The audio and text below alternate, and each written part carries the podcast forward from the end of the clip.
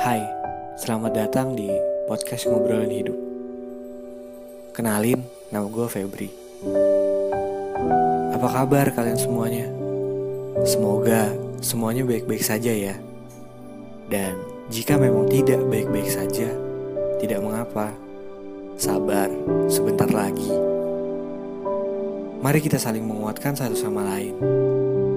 Terkadang, dengan kita pura-pura baik-baik saja, itu tidak akan membuat kita jadi lebih kuat.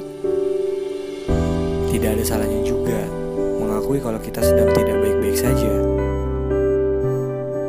Mengungkapkan kenyataan bahwa kita tidak baik-baik saja, mungkin memang tidak menyelesaikan persoalan. Namun, setidaknya kita sudah setengah jalan menuju sebuah penyelesaian. Dalam hidup, nggak semua hal bisa berjalan seperti apa yang kita mau. Ya, begitulah hidup. Hidup berjalan dengan aturannya sendiri-sendiri, yang kita sama sekali nggak bisa menentukan. Semuanya harus sesuai dengan keinginan kita. Dan sesempurna skenario yang telah kita buat, yang udah kita rancang. Terkadang, hidup memang terlihat nggak adil. Banyak pertanyaan yang berputar dalam benak kita mengenai keadaan yang kita hadapi sekarang. Kenapa kita seperti ini? Kenapa kita mengalami ini? Dan kenapa orang lain terlihat lebih bahagia dari kita? Bagaimanapun juga, manusia memang hidup dalam keadaan yang berbeda-beda. Gak mungkin sama. Bahagia itu tentang pilihan. Dan itu tergantung dari bagaimana sudut pandang lo menilai hidup dan menyikapinya. Bagaimanapun dan apa pun yang lo alami dalam hidup ini, itu adalah bagian dari proses. Iya proses. Dalam proses yang lo jalani, pasti ada yang namanya kegagalan dan ada yang namanya keberhasilan. Kadang lo bahagia dan kadang lo sedih. Semua itu ada waktunya dan semua itu akan indah pada waktunya. Ketika lo merasa terpuruk, ketika lo dalam masa-masa sulit dan ngerasa kalau hidup ini gak adil buat lo, lo cukup perlu percaya dan meneguhkan keyakinan bahwa lo sedang ada di dalam suatu proses. Proses di mana lo akan tumbuh menjadi pribadi yang lebih hebat dan lebih baik lagi tentunya. Memang ini gak akan gampang dan tidak akan terlihat mudah, tapi Semoga beberapa alasan yang pengen gue sampaikan ke lo pada ini bisa menguatkan lo. Yang pertama itu uh, ingatlah selalu kalau lo bukanlah orang yang paling menderita. Percaya men bahwa pikiran negatif sebetulnya datang dari diri lo sendiri dan pikiran negatif inilah yang justru akan membuat hidup lo makin terasa berat untuk dijalani. Padahal Kebahagiaan hanyalah soal merubah sudut pandang dan cara berpikir lo. Coba ingat deh, bahwa pikiran dan emosi lo hanya akan dipenuhi energi negatif saat lo terus-terusan memikirkan dan menyesali apa yang telah terjadi. Padahal, sebenarnya lo bisa menemukan pelajaran-pelajaran yang baik dari hal yang buruk yang pernah lo alami tadi. Yang pernah lo alami. Percaya men, lo bukan orang yang paling menderita ada banyak, bahkan sangat banyak orang-orang yang di luar sana yang lebih sulit daripada lo, daripada kita. Yang kedua adalah berdamailah dengan diri lo sendiri. Oke, mungkin lo hidup dalam keterbatasan, kegagalan, um, tapi cobalah sejenak lo luangin waktu lo buat berpikir dingin dengan kepala yang dingin. Apakah kondisi lo saat ini bisa diubah.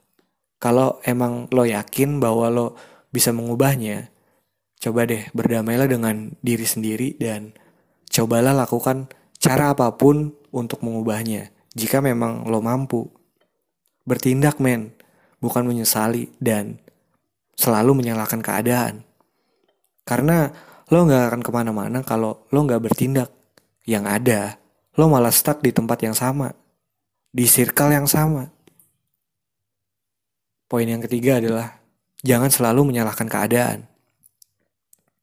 Semua yang terjadi dalam hidup lo, gak ada yang terjadi karena kebetulan. Bisa jadi, ketika lo mengalami banyak masalah dan hidup lo terkesan berantakan, mungkin penyebabnya adalah karena lo kurang teliti, men. Tidak berhati-hati, males, mager, ceroboh, atau lo belum bisa menempatkan diri lo sendiri.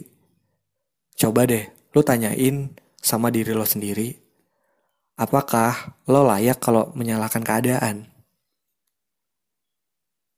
Poin yang keempat adalah hidup hanya sekali. Jangan terlalu banyak ambisi dan obsesi. Banyak loh orang yang di luar sana men.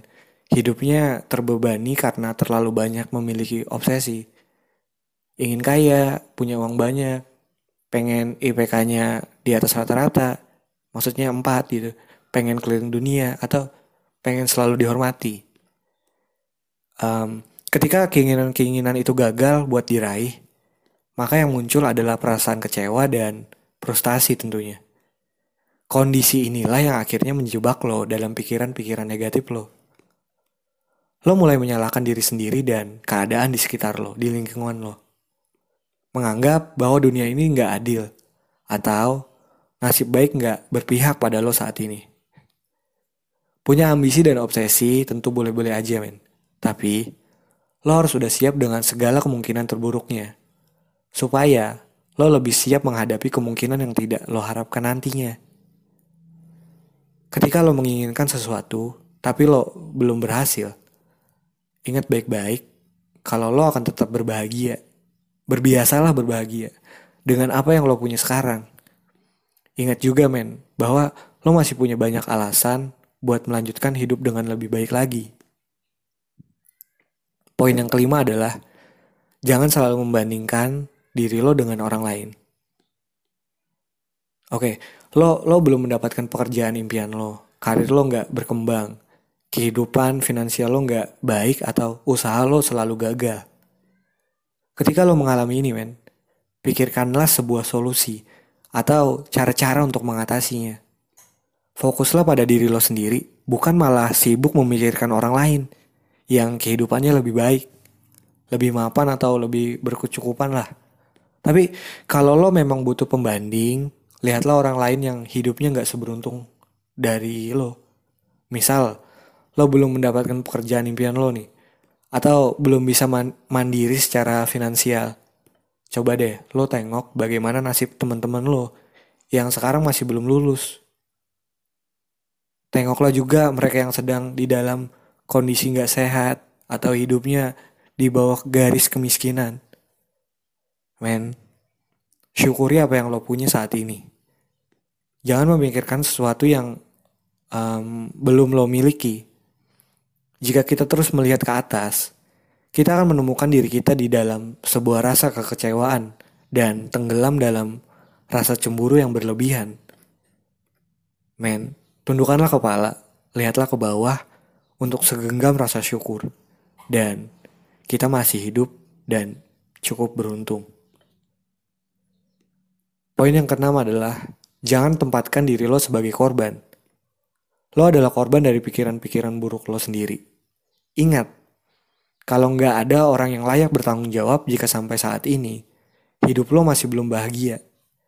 Ingat juga men, satu-satunya yang bisa mengendalikan hidup lo ya diri lo sendiri. Sebaiknya kita lebih bijaksana dalam menjalani hidup kita. Saat lo mengalami banyak masalah, yakinlah men, bahwa kewajiban lo adalah menyelesaikannya satu persatu. Bukan malah lo lari dari masalah atau lo menyalahkan orang lain atas masalah yang lo alami saat ini.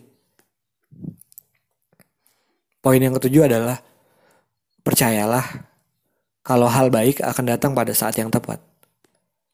Mungkin poin ini terlalu klise, tapi percaya men, kalau dibalik setiap kegagalan, dibalik banyak kekecewaan yang pernah lo alami, sudah ada rencana-rencana baik yang menanti lo nanti. Apa yang lo alami saat ini, pekerjaan lo, kehidupan lo sehari-hari, atau hubungan lo dengan pasangan lo. Tanpa lo sadari men, hal ini sedang memberi makna tersendiri dalam hidup lo. Badai pasti berlalu tentunya. Begitupun kesulitan yang lo alami saat ini. yang lo alami sekarang pasti suatu saat nanti akan berakhir dan berganti dengan kebahagiaan. Kecewa adalah hal yang wajar dalam hidup. Ketika lo mengalami masa-masa sulit, percayalah kalau lo masih punya Tuhan yang berkuasa atas diri lo sendiri. Dan kehidupan lo, lo juga harus meyakini bahwa setiap kesulitan yang lo alami pasti akan bisa lo hadapi. Karena Tuhan memang menciptakan skenario lebih baik dari yang kita buat sendiri. Jadi, mari kita saling nikmati dan syukuri alur hidup serta prosesnya. Berbiasalah bahagia. Terima kasih buat lo yang udah ngedengerin gue. Gue Febri dari podcast Ngobrolin Hidup. Sampai jumpa di episode podcast selanjutnya. See you.